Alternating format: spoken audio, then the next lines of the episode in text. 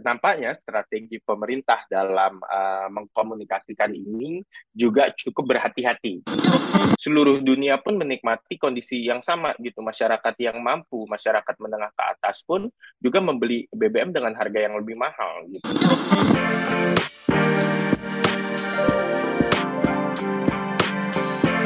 Hai sahabat TCID, kalian sedang mendengarkan podcast Suara Akademia. Ngobrol seru isu terkini bareng akademisi. Timeline sosial media sekarang lagi banyak banget isinya berita soal kenaikan harga BBM gitu. Nggak di Twitter, nggak di Instagram, nggak di TikTok, nggak di website berita portal mana pun gitu, semuanya ngomongin soal kenaikan harga BBM yang diisukan akan naik di bulan September. Kita lagi rekaman di tanggal 31 Agustus 2022 sepertinya ketika podcast ini tayang sudah ada pengumuman dari pemerintah gitu ya bagaimana nasib harga BBM ini.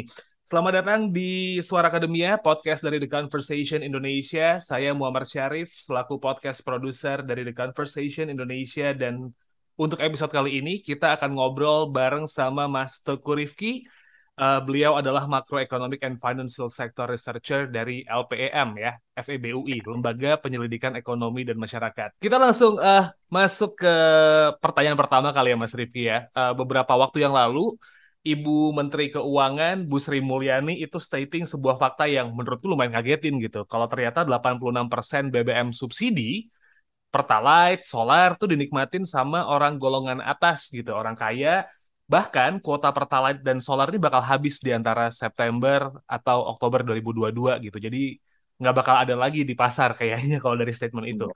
Ini faktor apa aja sih yang bikin semua hal ini kejadian mas sampai Bu Sri Mulyani ngeluarin statement itu gitu? Oke, pertama mungkin kita perlu lihat, sorry ya, ini kalau misalnya uh, saya akan ceritanya sedikit panjang. Jadi hmm. uh, ini memang uh, saya rasa penting untuk uh, kemudian memahami apa yang sedang uh, terjadi saat ini dan uh, menyambung juga dengan statement dari uh, Bu Menteri Keuangan SMI uh, pekan lalu uh, terkait dengan uh, kebocoran atau ketidak tepat sasaran dari uh, subsidi BBM ini. Pertama yang kita perlu lihat itu itu latar belakangnya. Kenapa sih ada uh, subsidi BBM ini uh, in the first place gitu. Hmm. Nah, ini mungkin kita perlu tarik mundur 10 20 tahun lalu saat kemudian uh, subsidi BBM ini pertama kali muncul. Tujuannya adalah simple gitu bahwa subsidi ini ditujukan untuk agar masyarakat itu memiliki uh, daya belinya itu bisa terjaga terutama untuk komoditas uh, energi dalam hal ini adalah uh, bahan bakar. Nah, tapi uh, subsidi ini kan diperuntukkan untuk uh, masyarakat miskin dan rentan, gitu. Jadi artinya masyarakat yang memang betul-betul membutuhkan, gitu. Masyarakat yang menengah, masyarakat atas, masyarakat kaya kan sebetulnya nggak perlu, gitu. Artinya nggak perlu untuk dibantu oleh pemerintah dalam pemenuhan kebutuhannya. Nah, tapi dalam uh, dalam menyasar tujuan ini, yaitu uh, subsidi ini diberikan kepada masyarakat miskin dan rentan ini tantangannya banyak. Salah satunya adalah kalau dari sisi pemerintah, siapa sih masyarakat yang memang betul-betul miskin, betul-betul rentan? Artinya, siapa sih masyarakat yang membutuhkan uh, subsidi ini? Nah, balik ke awal subsidi ini muncul, itu belum ada kita datanya. Kalau saya tidak salah, BPS itu waktu itu belum ada datanya siapa sih masyarakat miskin, siapa sih masyarakat rentan gitu. Sehingga kemudian dibuat subsidinya di produk aja gitu Gitu. Jadi produknya dijual dengan harga uh, di bawah ke harga keekonomiannya agar siapa pun yang membeli ini uh, mampu menikmati uh, keuntungannya gitu. Harapannya sih masyarakat miskin dan rentan yang membeli. Tapi ternyata realitanya ini juga seluruh lapisan masyarakat menikmati ini gitu. Nah, tapi kenapa isu uh, subsidi ini sekarang semakin uh, urgent atau semakin pressing? Dibandingkan tahun-tahun sebelumnya. Karena kalau kita bicara salah sasaran dari tahun-tahun sebelumnya pun sudah salah secara uh, sasaran dari uh, dari uh, peruntukannya misalnya juga dari kemarin-kemarin sudah untuk hanya masyarakat miskin dan rentan. Dari pendataannya beberapa tahun belakangan pun sudah sangat baik ketimbang dikeluarkan. Jadi kenapa sekarang menjadi urgent? Nah ini uh, saya perlu uh, membahas sedikit terkait apa yang terjadi di awal tahun 2022 yaitu pecahnya konflik uh, antara Rusia dan uh, Ukraina gitu di mana pecahnya konflik tersebut menaikkan harga-harga komoditas karena kita tahu misalnya Rusia ini salah satu uh, produsen uh, komoditas energi terbesar yaitu misalnya gas, minyak juga gitu. Dengan pecahnya perang ini dengan uh, respon berbagai macam seperti embargo, lalu kebutuhan energi yang terus meningkat selama pemulihan pandemi, ini membuat harga-harga energi meningkat. Salah satunya adalah harga minyak yang uh, meningkat gitu. Nah, meningkatnya harga minyak ini implikasinya apa uh, untuk uh, Indonesia? satu bebannya semakin mahal gitu. Karena kalau kemudian pemerintah mau menjaga harga BBM di masyarakat nggak naik berarti kan subsidinya yang harus dinaikkan. Karena harga belinya atau harga keekonomiannya semakin mahal dan juga Indonesia ini adalah importir minyak gitu. Jadi dengan uh, apa? Dengan uh, kelangkaan minyak di level global, harganya semakin mahal, kita juga semakin uh, tertekan. Sehingga postur fiskal kita uh, semakin nggak sehat gitu. Yang tadinya misalnya sebelum-sebelumnya subsidi kompensasi itu mungkin sekitar 200-300 triliun, yang mostly salah sasaran gitu. Jadi 200-300 triliun sebelumnya ini banyak yang salah sasaran. Sekarang uh, yang dibayarkan untuk uh, salah sasaran atau kurang tepat sasaran ini mencapai 500-an triliun gitu.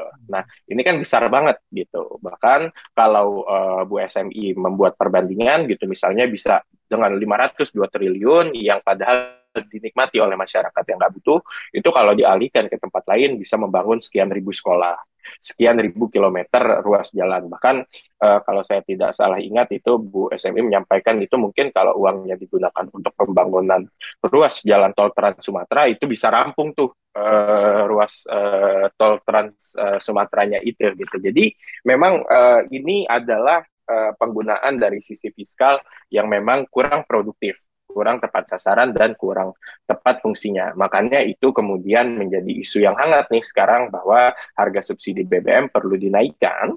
Tujuannya adalah agar penghematan dari subsidi tadi bisa digunakan untuk hal-hal yang lebih tepat sasaran dan uh, lebih produktif itu. Nah, berarti gini nih Mas Rifi, kalau kita ngelihat dari awalnya subsidi BBM itu diberikan mungkin beberapa puluh tahun yang lalu gitu ya, dan melihat situasi sekarang, sebenarnya sudah ada improvement bagaimana caranya pemerintah untuk membuat subsidi ini tuh jadi lebih tepat sasaran. A ada langkah apa lagi sih sebenarnya pemerintah bisa lakuin buat ngontrol dan juga membuat anggaran subsidi BBM ini tetap sesuai dengan yang dianggarkan? Oke, okay, mungkin untuk uh, apa untuk sisa tahun ini uh, nampaknya nggak terlalu banyak. Artinya uh, tadi wacana bahwa harga BBM dinaikkan tentu ini untuk meringankan uh, apa beban fiskalnya tadi. Tapi uh, beberapa hal yang juga perlu pemerintah jalankan secara bersamaan tadi perbaikan pendataan, lalu kemudian distribusi dan implementasinya itu lebih disempurnakan lagi di lapangan itu bisa uh, membuat ini agar lebih tepat sasaran. Hmm. Di sisi lain, ini kita tahu kalau pemerintah menaikkan subsidi, eh sorry, menaikkan harga dan mengurangi subsidi, maka kemudian ada penghematan yang terjadi. Nah, bagaimana penghematan ini bisa dibuat menjadi subsidi yang lebih tepat sasaran. Nah, ini juga baru diumumkan uh, kalau nggak salah kemarin atau uh, Senin lalu oleh uh, Bu Menteri Keuangan bahwa ditambah uh, nominal untuk program BLT ditambah untuk bansos, ditambah untuk uh, subsidi upah dan transportasi. Ini kan lebih tepat sasaran gitu. Jadi bansos memang betul-betul untuk masyarakat miskin, subsidi upah memang untuk yang upahnya uh, masih tertekan atau di bawah kecukupan uh, standar hidup gitu. Nah, ini adalah langkah-langkah yang uh, bisa dibuat pemerintah dan sudah dilakukan pemerintah agar lebih tepat sasaran gitu. Jadi instead of tadi memberi banyak ke siapa saja yang bisa beli, ini diarahkan well targeted gitu. Karena nggak mungkin juga pemerintah menaikkan harga gitu, memiliki penghematan, tapi kemudian uh, buffer atau bantalan sosialnya ini nggak ditambah gitu. Mm -hmm. Nanti yang akan terjadi adalah kalau kemudian harga BBM ini naik, inflasi akan naik tingkat-tingkat harga naik, harga pangan, harga barang-barang pokok, harga transportasi ini kan naik gitu. Nah, masyarakat yang income-nya itu rendah, uh, ini kemungkinan jadi nggak bisa beli kebutuhan pokok tadi. Nah, makanya perlu tambahan subsidi tadi gitu untuk masyarakat tersebut. Dan kalau kita lihat skemanya, nampaknya ini untuk masyarakat-masyarakat termiskin ini sudah cukup generous gitu. Walaupun semakin uh, mampu masyarakat tersebut, maka benefitnya ini secara percentage akan semakin kecil gitu. Tapi ini adalah langkah-langkah yang yang saya rasa secara konseptual sudah tepat gitu. Nanti bagaimana diimplementasinya, lalu bagaimana kalau ekonomi ini ada shock lagi, pemerintah mampu menambah bantalan sosial tersebut. Um, lumayan menarik juga nih mas kalau um, ngelihat banyak berita gitu ada salah satu ekonom juga yang bilang kalau misalnya memang nanti pada akhirnya pertalite dan solar itu naik um, correct me if I'm wrong itu ada di uh, kurang lebih 30% proyeksinya naik ini bisa berdampak dengan kenaikan inflasi gitu bahkan ada yang meramalkan bisa sampai di level 7 sampai dengan 7,25% nih posisi perekonomian kita bakal aman nggak sih kalau misalnya inflasinya melonjak segitunya dan apa yang bisa dilakuin pemerintah buat ngeredam ini nih mas? Selain tadi buffer yang udah disiapin ya, tadi uh, sempat baca di art, uh, beberapa artikel juga bakal ada bansos lagi gitu, bakal ada yang disiap-siapkan juga sama pemerintah buat me, apa ya menanggulangi permasalahan ini. Oke, okay, uh, eh, jadi mungkin yang perlu uh, kita cermati adalah memang sekarang kita nggak tahu dampaknya ke inflasi itu akan uh, seberapa besar. Dalam arti begini, uh, banyak estimasi yang sudah dilakukan berbagai uh, penelitian, berbagai uh, expert gitu. Ada yang bilang inflasi kita naik 6%, ada bahkan yang bilang cukup ekstrim kita bisa naik ke 8% uh, seberapa akurat ini kita nggak tahu gitu. Tapi kita paling nggak uh, tahulah ini akan menekan inflasi lebih tinggi lagi gitu. Nah tekanan inflasi yang lebih tinggi ini seberapa jauh juga akan tergantung uh, dari seberapa tinggi harga ini dinaikkan oleh pemerintah. Kita kan saat apa uh, per 31 Agustus ini kita nggak tahu nih pemerintah mau adjust harga solar ke berapa pertalite ke berapa pertamax ke berapa gas ke berapa. Itu kan kita nggak tahu gitu uh, gas LPG ke berapa gitu. Nah, semakin tinggi tentu tekanan di inflasi akan juga semakin tinggi gitu. Nah, tapi yang ingin saya ceritakan adalah uh, secara historis itu kenaikan atau penyesuaian harga uh, subsidi BBM, kenaikan di inflasinya itu temporer atau sementara gitu. Jadi uh, kalau saya nggak salah 2014 atau 2015 awal itu dilakukan penyesuaian harga subsidi BBM. Inflasinya naik sebentar, tapi habis itu normal lagi gitu.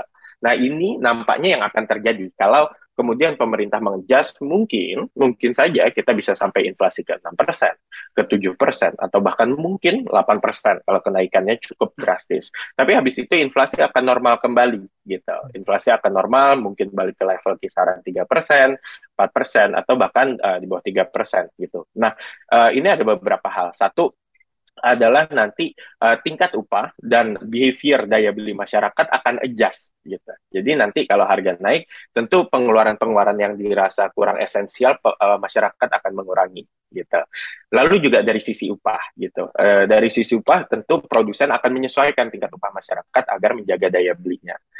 Faktor ketiga adalah nanti ada namanya yang disebut adalah high base effect gitu. Kalau kita hitung inflasi kan dibandingkan periode sebelumnya gitu. Apakah bulan sebelumnya, apakah uh, tahun sebelumnya gitu. Misalnya bulan yang sama di tahun sebelumnya gitu. Nah, kalau inflasinya udah tinggi, misalnya di 7% katakanlah di dua, uh, 2022 gitu. Hmm. Tahun depan pasti naiknya nggak akan tinggi gitu karena kita bandingin sama yang udah naik 7% tadi gitu. Sehingga kemudian tingkat inflasi akan melandai gitu. Nah, kita melihat sejauh ini uh, tentu itu akan berdampak terhadap uh, uh, pertumbuhan ekonomi. Tapi melihat uh, geliat ekonomi kita yang momentumnya masih sangat tinggi gitu bahkan kemarin di kuartal 2 2022 itu sebagian besar analis, sebagian besar ekonom memprediksi paling Indonesia pertumbuhan ekonominya hanya di 5% atau 5,1%. Ternyata rilis BPS menyatakan 5,44%. Artinya apa? Ini jauh lebih tinggi dari ekspektasi dan pemulihan ekonomi kita jauh lebih solid dari yang diperkirakan sebelumnya. Nah, momentum pemulihan yang sangat kuat ini gitu kita harapkan inflasi inflasi yang kalaupun terjadi inflasi yang tinggi, uh, kalaupun kita tertekan, nggak akan tertekan banget gitu. Jadi hmm. uh, pemulihannya lagi strong-strongnya, kalaupun ada hambatan pun juga nggak akan terlalu menghambat gitu. Nah ini yang uh, kita lihat momentumnya pas gitu. Jadi justru uh, lebih sulit tuh kalau kita misalnya menyesuaikan uh, harga BBM saat ekonomi lesu gitu. Hmm. Karena daya beli masyarakat kan lagi pada uh, lemes gitu atau lagi pada loyo. Nah, ini daya beli masyarakat lagi bagus-bagusnya, pendapatan masyarakat lagi bagus-bagusnya. Inilah yang uh, apa uh, saya rasa menjadi momentum yang tepat untuk uh, penyesuaian harga BBM karena dampak ke pertumbuhan ekonominya pun kalaupun ada nampaknya tidak akan terlalu uh, signifikan. Ini pertanyaan ngasal uh, saya pribadi aja sih gitu. Emang naikin BBM cuma jadi satu-satunya jalan kayak yang bisa diambil pemerintah? Sebenarnya ada jalan lain nih, Mas? Uh, iya, kita uh, mungkin lihat lagi ya. Uh, ini kan sebetulnya kenapa sih uh, subsidi BBM itu perlu dinaikkan gitu. Nah, perlu dinaikannya satu karena beban fiskalnya tinggi gitu. Jadi hmm. beban uh, di APBN-nya tinggi dan nggak tepat sasaran gitu. Oh. Nah, apakah ada jalan lain? Tentu ada gitu untuk beberapa anggaran yang memang uh, rasanya besar dan tidak tepat sasaran perlu juga dilakukan reform gitu. Tapi yang paling obvious, yang paling kelihatan adalah subsidi BBM gitu. Jadi hmm. uh, apakah ada langkah lain? Ini tergantung langkah lain untuk apa gitu. Hmm. Kalau untuk menyehatkan fiskal tentu banyak langkah lain gitu. Misalnya peningkatan quality spending segala macam itu bisa dilakukan. Tapi yang porsinya besar, yang paling berasa dan yang paling banyak kebocorannya ini subsidi BBM gitu sehingga hmm. kalau ini di reform dampaknya juga akan signifikan gitu. Nah, apakah misalnya ada uh, way lain untuk misalnya katakanlah uh, memperbaiki daya beli masyarakat. Nah, ini banyak lagi gitu hmm. opsinya gitu. Jadi, way untuk pemerintah katakanlah mendorong pertumbuhan ekonomi, menjaga daya beli masyarakat banyak lagi gitu. Nanti misalnya uh, spend uh, saving atau uh, tabungan dari uh, dikuranginya subsidi BBM ini uh, apa bisa digunakan untuk hal lain gitu tadi membangun sekolah, membangun jalan, peningkatan anggaran kesehatan, pembangunan rumah sakit itu bisa gitu. Tapi memang kita melihat ini semua uh, kebijakan itu uh, sering uh, dalam istilahnya itu digunakan policy mix atau hmm. bauran kebijakan gitu. Jadi kebijakan yang satu ini uh, memang yang di highlight sekarang itu adalah reformasi subsidi BBM.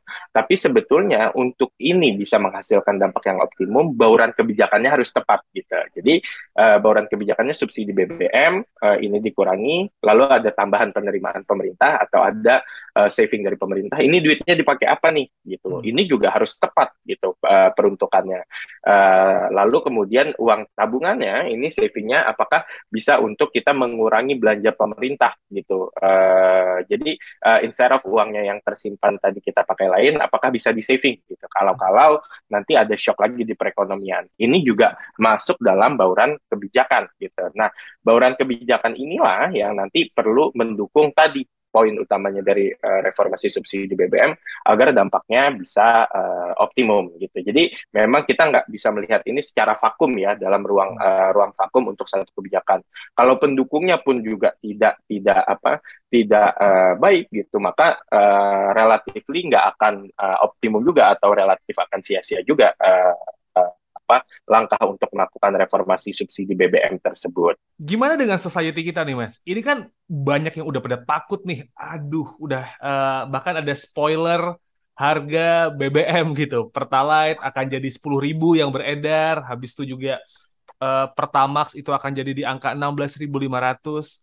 Untuk uh, masyarakat nih buat warga nih ya. apa yang harus di ya. apa yang harus kita lakukan gitu karena kan biasanya harga bensin naik semua ikutan naik gitu belum lagi udah ditakutin lagi sama uh, harga ojol naik belum lagi bahan pangan yang naik so what apa yang bisa kita lakuin nih? Oke, okay, uh, eh, pertama gini, ini makanya kita juga nampaknya strategi pemerintah dalam uh, mengkomunikasikan ini juga cukup berhati-hati gitu. Hmm. Kita kan sudah dengar wacana kenaikan BBM ini mungkin seminggu atau dua minggu lalu ini sudah disampaikan oleh pemerintah bahwa ada kemungkinan kenaikan harga BBM.